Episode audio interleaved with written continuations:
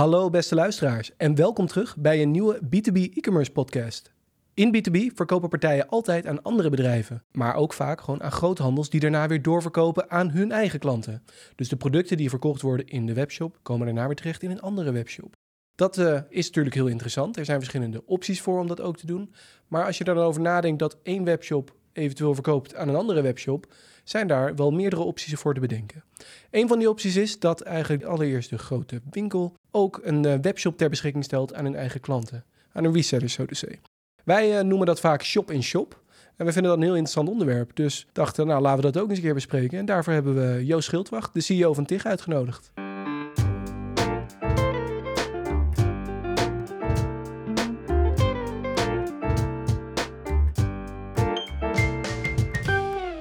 Welkom Joost. Dankjewel. Nou, ja, zoals ik al zei, uh, een woord dat wij uh, vaak gebruiken als shop-in-shop. -shop. Uh, misschien niet altijd het meest gebruikelijke woord.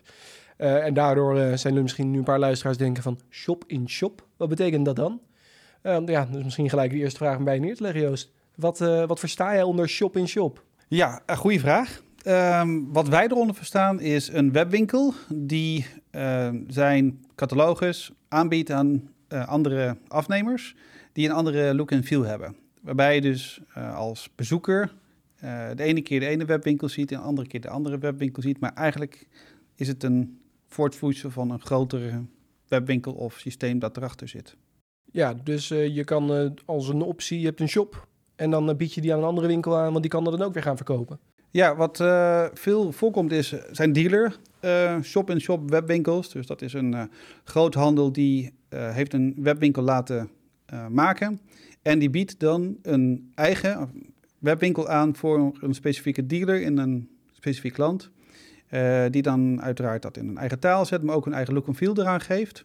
En het voordeel ervan is dat die dealer in dat land niet na hoeft te denken over ja, hoe, hoe zit het afrekenproces in elkaar. Want in principe neemt hij de functionaliteit over wat in die algemene grotere webwinkel beschikbaar is gesteld. Oké, dus het eigenlijk komt erop neer, uh, stel um, ik heb een uh, winkel gevonden in Amerika en ze verkopen heel interessante producten. En ik denk, ik wil het ook hier verkopen, maar ik heb geen e-commerce ervaring. Waar begin ik dan? Dan zou dat een optie kunnen zijn, tenminste als die, als die uh, winkel in Amerika dat als optie heeft, mm -hmm. dat je van daaruit die shop gewoon in het Nederlands uitrolt en daar de betaalmogelijkheden en de opties bij hebt, dat je in één keer kan gaan starten met verkopen. Ja, precies. En dan hoef je niet na te denken over waar moet ik ergens mijn webwinkel creëren, uh, welke, ja, welke look en feel uh, moet ik dan uitrollen. Je kan het bijna altijd wel aanpassen, los van de taal zeg maar. Dus dat het ook, ja, bijvoorbeeld als je rood gebruikt en blauw, dat zijn dan in sommige landen zijn het heilige kleuren. Dus wat je dan wil is dan die shop een andere kleur geven, zodat je niet confronteert met ja, kleuren die ja, een verkeerde beleving oproepen. Ja, en daar zitten dan de producten in van, hetzelfde, van dezelfde provider die er eigenlijk bij komen kijken. Ja, en, maar het kan ook zijn dat de dealer niet uh, je hele catalogus uh, verkoopt of wil verkopen, afhankelijk van wat je hebt afgesproken. Dus ja, dat kan ook een, een, selectie daarvan zijn. En dat kan ook weer per land verschillen. Een van de kenmerken, de dingen eigenlijk met de shop-in-shop, -shop, is dat je lift mee op de functionaliteit die is gebouwd. Ja, dus bijvoorbeeld de, catalo de catalogus, dat is dan iets uh, inhoudelijks. Maar ook bijvoorbeeld het logistieke proces dat erachter zit. In principe wordt je dan het standaard logistieke proces, wat ooit is bedacht en wat al werkt, dat wordt je ja, zonder enige moeite eigenlijk aangeboden. Dus dat is eigenlijk heel interessant natuurlijk voor, uh, ja, voor partijen, groothandels die natuurlijk willen gaan verkopen. Maar waar ik dan aan denk, hè, want uh, ik, het klinkt niet als precies hetzelfde, maar het eerste wat mij te binnen schiet is dropshipping. Wat is hier dan het verschil tussen? Ja, dropshipping is een heel ander onderwerp. Daar kunnen best in diven. ja, het, het, het, denk ik het grote verschil is dat de groothandel blijft in controle over wat er gebeurt met uh, het merk en de producten en de catalogus uh, en de processen die daaraan vastzitten.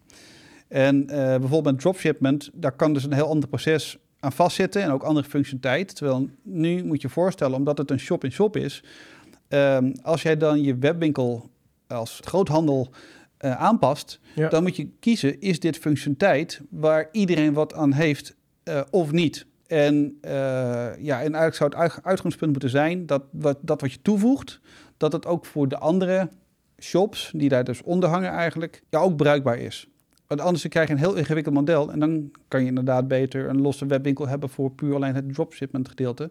Dan heb je ook niet de, ja, de verstrengeling met uh, ja, via, leven, via welke leveranciers en welke condities zeg maar, je het verstuurt. Het, het is vaak, de shop-in-shop is interessant als jij als groothandel of als fabrikant controle wil houden over het proces met tussenhandel die daarbij uh, hoort. En heeft, heb je dan ook controle over de prijs? Of heeft de, de, de dealer daar ook nog controle over? Ja, nou ja, dat is afhankelijk wat je met de dealer afspreekt, zeg maar. En, maar normaal heeft de dealer daar dan uh, in ieder geval zeggenschap in. En ook hoe die presenteert. En ja, sommige producten doen het in andere landen beter dan in andere landen. En, en, daar zou je dan ook andere producten bij kunnen zetten? Dus stel, uh, stel het gaat om fietsbanden en die biedt aan om een shop-in-shop aan te bieden. En dealer denkt, nou leuk, kan ik die shop gebruiken. Maar ik wil ook uh, fietsbellen gaan verkopen. Ja, nou, grappig voorbeeld. Fietsbellen, dat zou relatief makkelijk moeten kunnen. Omdat die ook niet bijvoorbeeld hele bijzondere kenmerken hebben. Tenminste, daar denk ik dan nu aan bij een fietsbel. Dus de kans dat je dat gewoon kan toevoegen zonder dat er extra functionaliteit uh, voor nodig is uh, ja, is groot. Dus dat is nou een mooi voorbeeld wat zou kunnen. Wat moeilijker wordt als jij een auto uh, wil gaan toevoegen aan die shop-in-shop omgeving. Terwijl eigenlijk de, de hoofdwebwinkel, of waar het allemaal op, op gebouwd is ooit, niet rekening heeft gehouden met een auto. Want een auto heeft allemaal kenmerken, keuzes, configurator. ja, dat is dus dan echt een, specifiek stukje iets wat dus dan wel of beschikbaar moet zijn in je hoofdshop eigenlijk of je moet het dan specifiek gaan bouwen. Maar dan is dus de vraag, wacht even, weet je zeker dat je dat wil?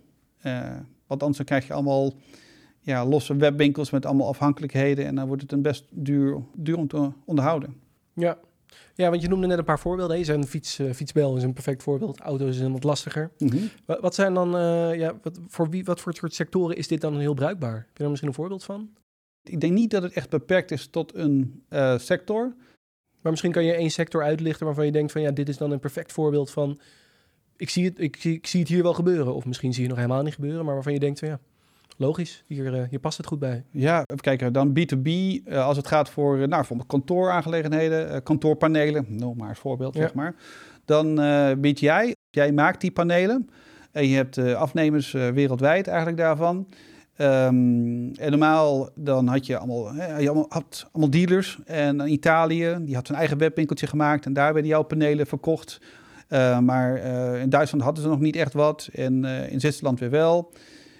Wat je kan doen is, dan kan je zeggen... ik als fabrikant van die, van die panelen maak een shop. Daar ga ik kijken wat er nodig is voor mijn huidige dealers. Ik ga dan één uniforme look and feel geven. Dus hoe het eruit gaat zien, zeg maar. En ook een indeling. Zodat niet in Italië de beleving A is en in Duitsland de beleving B en in Zwitserland de beleving C. Omdat de een heeft gekozen voor een uitgebreider e-commerce pakket en de andere die heeft het houtje tootje bij elkaar gesprokkeld en er is geen designer aan de pas gekomen. Dus dat is ja, een, voorbeeld daarvan is dus als jij systeempanelen maakt, dat jij dan een shop-in-shop aanbiedt. En dan kan je nog steeds, dat is het aardige, je kan zeggen, nou weet je, je bent een kleine dealer, een eh, klein kantoor, Um, ik bied je een shop, een shop aan. Daar hoef je niks voor te doen. Je krijgt je eigen look en feel uh, gebaseerd op de hoofdshop, zeg maar. Maar je kan het zelf aanpassen. En je kan dan uiteraard ook de, hem lokaal maken met ja, de wensen en de producten en herangschikken van datgene wat je nodig hebt.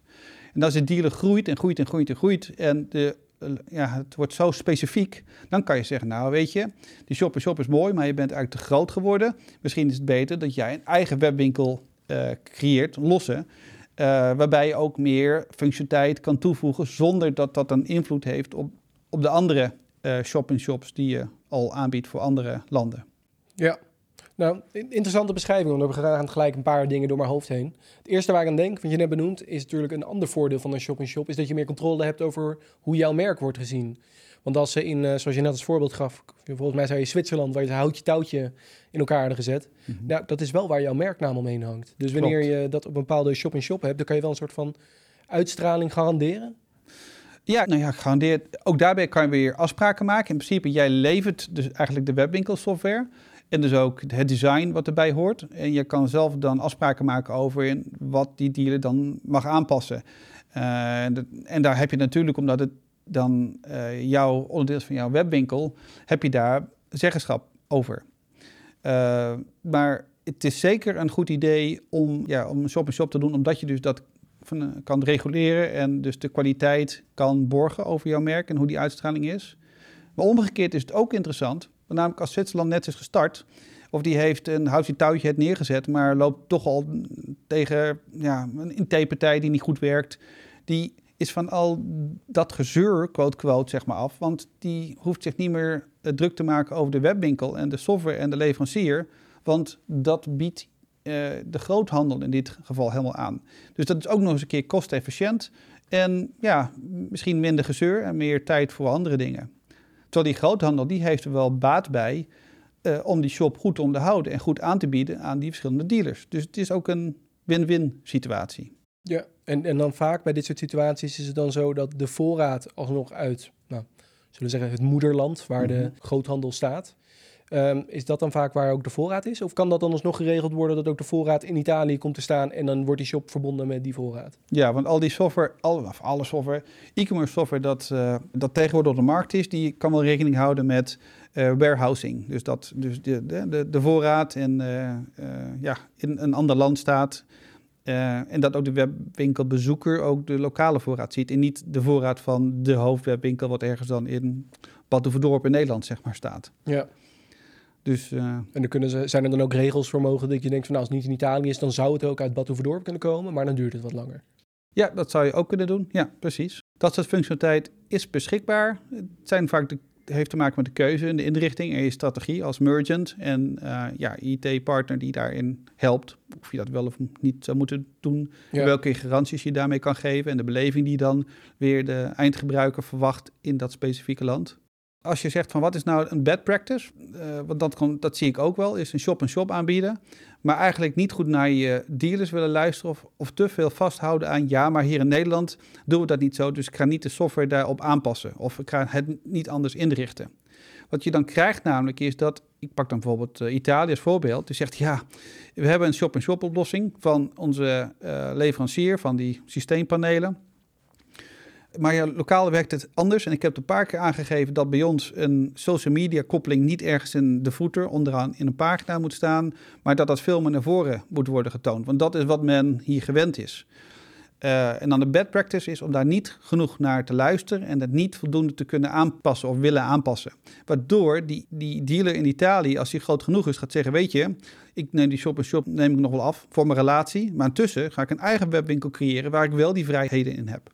En dan ben je dus, ja, dan is er is ook geen win-win meer, maar dan heb je juist uh, ja, het eigenlijk tegenovergestelde, zeg maar, dat je weer je controle over het merk kwijt bent, omdat je niet flexibel hebt opgesteld. Ja, want zijn er dan ook mogelijkheden dat je, want je hebt een IT-partij, die zijn natuurlijk voor de groothandel te shop op, hè, die managt vanaf daar. Um, is het dan meestal zo dat, dat die IT-partij, of intern, als ze dat intern hebben, um, dat ze dat voor alle verschillende shop-in-shops regelen? Of kan je dan ook gewoon een aparte IT-partij, zolang de flexibiliteit er is vanaf die groothandel natuurlijk, het ook vanaf daar uh, zelf regelen? Want dat is natuurlijk wel gevaarlijk, hè? want op basis van wat je eerder zegt, je wil niet te veel gaan veranderen. Want als er dan een grootschalige uitbreiding komt mhm. en er staan allemaal veranderingen op, ja, dan gaat het niet meer werken. Ja, wat je moet doen is je moet er flexibel ingaan, maar je moet wel in het achterhoofd houden dat wat je toevoegt, dat dat niet uh, extra onderhoud gaat geven. Dus eh, dat is denk ik het meest belangrijke. En een goede dialoog hebt met de, de dealers. En ja, open staat voor verandering en voor tailoring. Maar niet tot elk uh, kommaatje en in detail wil meegaan bij elke vraag en aanpassing wat zij maar roepen dat zou je ook niet moeten willen trouwens als je maar één webwinkel, één overkoepelende webwinkel zou hebben, want dat kost je gewoon heel veel geld. De return of investment moet je eigenlijk van tevoren berekenen als je functionaliteit gaat toevoegen. Dat moet je ook doen voor je dealers en voor je shop-in-shop. Alleen je moet bij een shop-in-shop nog net iets meer kritischer kijken naar, wacht even, is dit iets wat heel erg landspecifiek is? Of is dit iets wat waar alle dealers, uh, andere dealers ook gebruik van zouden kunnen maken om die investering te rechtvaardigen? Ja. Dat andere, dat als je op een gegeven moment ziet dat deze dealer is zo specifiek, maar die is ook zo groot, die zorgt voor een uh, behoorlijke inkomstenbron uh, ja, voor jou, dan moet je ook op een gegeven moment kunnen zeggen, oké, nu gaan we het knippen. Dus je krijgt een kopie van de shop, maar dan ga je nu ook het onderhoud en de tailoring en, en alles wat je wil hebben aangepast, ga je nu ook zelf doen. En dan heb je de keuze, je kan dan liften op de IT-leverancier die die webwinkel voor jou maakt, of als je dat voor de helft intern doet met eigen developers, ook prima. Of je kan zeggen, we gaan je aansluiten als je een gestandardiseerd pakket hebt, zoals Adobe Magento, met lokale eh, partner die jou kan helpen en die langs kan komen op het kantoor. Eh, maar dan ben je zelf meer daar eh, verantwoordelijk voor. En dan maak je afspraken over de look and feel, zeg maar. Dat die nog ja, gedeeltelijk geborgen blijft. Ja. Maar goed, als ze groter zijn, zeg maar, dan... Ja, dat is natuurlijk ook het- vaak hoe het ook voor mij overkomt. Dit is echt een mooi startpunt van ik weet niet hoe ik zou moeten beginnen. En je wil wel de ervaring binnen. Je wil ook niet de klant missen omdat ze nog niet weten waar ze moeten starten. En dat ze daarom niet jouw producten kunnen gaan verkopen. Ja. Dus dan is het, kan het ook een startpunt zijn inderdaad zoals je zegt. En dan word je groter en dan gaan we het kopiëren. Gaan we het uitbreiden. Ja, een mooi voorbeeld wat altijd voorkomt is eh, de platformen. Wij in Nederland hebben natuurlijk bol.com, eh Coolblue en Amazon, zeg maar. Nou, die zit natuurlijk ook wereldwijd, maar eh, elk land heeft wel zijn eigen ja, marktplaatsje, zeg maar zo. Dus eh, wat je met een shop-in-shop moet doen, is wel goed luisteren naar, oké, als ze in Frankrijk... eh, ik ben de naam van de marktplaats kwijt, wat gaat over systeemwanden, zeg maar. Als, ze daar, als dat de marktplaats is waar systeembanden worden verhandeld, eh, dan is dat iets wat je dus als op maat eh, ja, oplossing moet toevoegen aan jouw shop-in-shop beleving. Eh, en dat is iets wat je in het achterhoofd moet houden, zeg maar. Wat je, waar je dus wel mee rekening hebt als je een shop-in-shop eh, aanbieding doet buiten Nederland. Eh, en waar je niet over na hoeft te denken als die dealer gewoon lekker zelf zijn eigen webwinkel heeft. Want die zorgt dan voor zijn eigen koppeling met die marktplaats, want die wil wel verkopen. Ja, ik vind het heel interessant, maar ik probeer nog een klein beetje het beeldend te maken. Want de vraag die ik dan heb, hè, ik weet niet of je die hebt, maar heb je een voorbeeld van een, van, ja, een speler in de markt die hier nou gebruik van maakt? Waarvan ik echt denk van, oh, zo doen, zo doen zij het. Hm. Dat is een goede vraag. Als je me die iets eerder had gesteld, dan had ik het even kunnen opzoeken. Maar nu eh, weet ik wel webwinkels waarvan ik niet zou... Misschien niet handig om dat hier open te zeggen, zeg maar. Die dat, Ja, eh, dat is die dat, eh, dat Ja. een beetje gevoelig, die dat doen. Laten we dan even zitten, wat we gaan doen dan. Mhm. Dan zullen we hem gewoon in de, in de bio, zullen we een voorbeeldje geven dat mensen kunnen bekijken.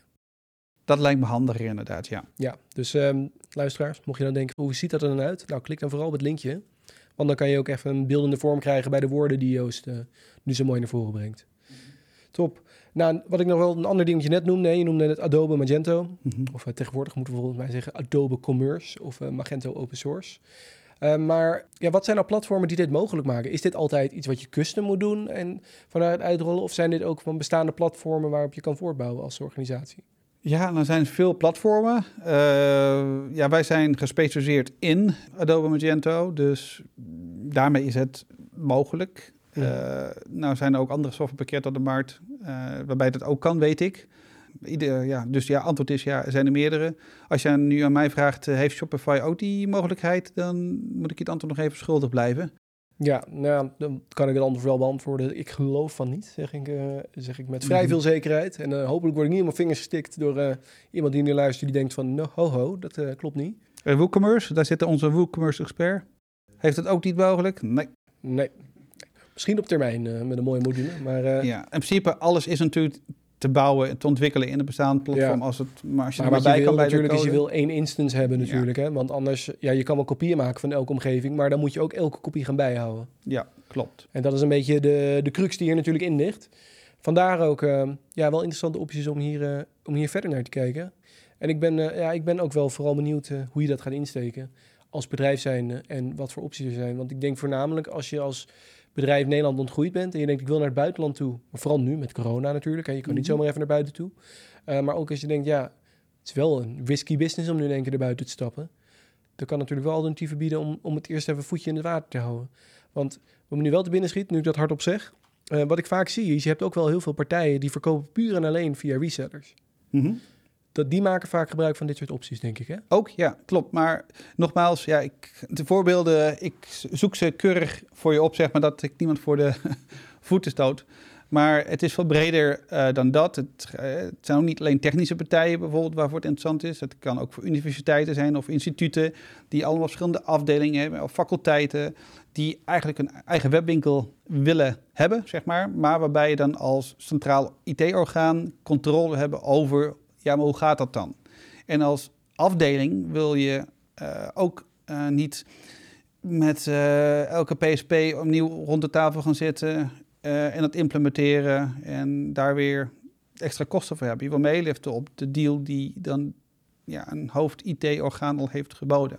Ja, dus je hebt gewoon één omgeving, daar zitten verschillende winkels in, Ja. die kunnen verschillende URL's hebben, Ja. kunnen gebruik maken van dezelfde zaken. Klopt, en je hoeft niet na te denken over de e-commerce software en de investeringen die al daarin zijn gedaan. Je hebt dan een basis look en feel. Je kan het aanpassen, maar het hoeft niet. Producten staan erin. Klopt, je lift mee op de ontwikkeling die er, in pla die er uh, plaatsvindt. Het enige, de downside die een afdeling kan hebben, is dat hij zegt: Ja, maar ik heb zo'n specifieke producten.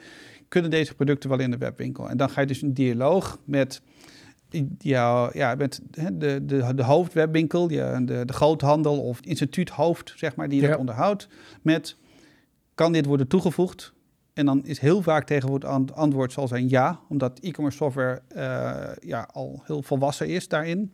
En zo niet, als je een heel bijzonder product hebt met een ja, bijzondere configurator bijvoorbeeld, dan krijg je dus de dialoog met gaan we dit dan toevoegen in het centrale gedeelte, waar iedereen dan ook weer gebruik van kan maken. Dus een configurator die een andere afdeling uh, ook kan hergebruiken. Of is het echt specifiek iets voor jullie? En dan is de keuze, doen we het alsnog dan voor jullie het centrale gedeelte, maar maken we dat niet beschikbaar voor de anderen vanwege onderhoud?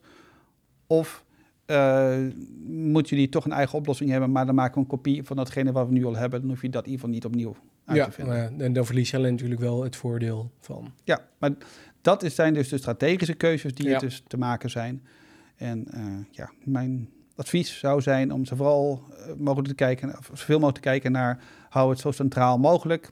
Dan, dat is de meeste win-win situatie.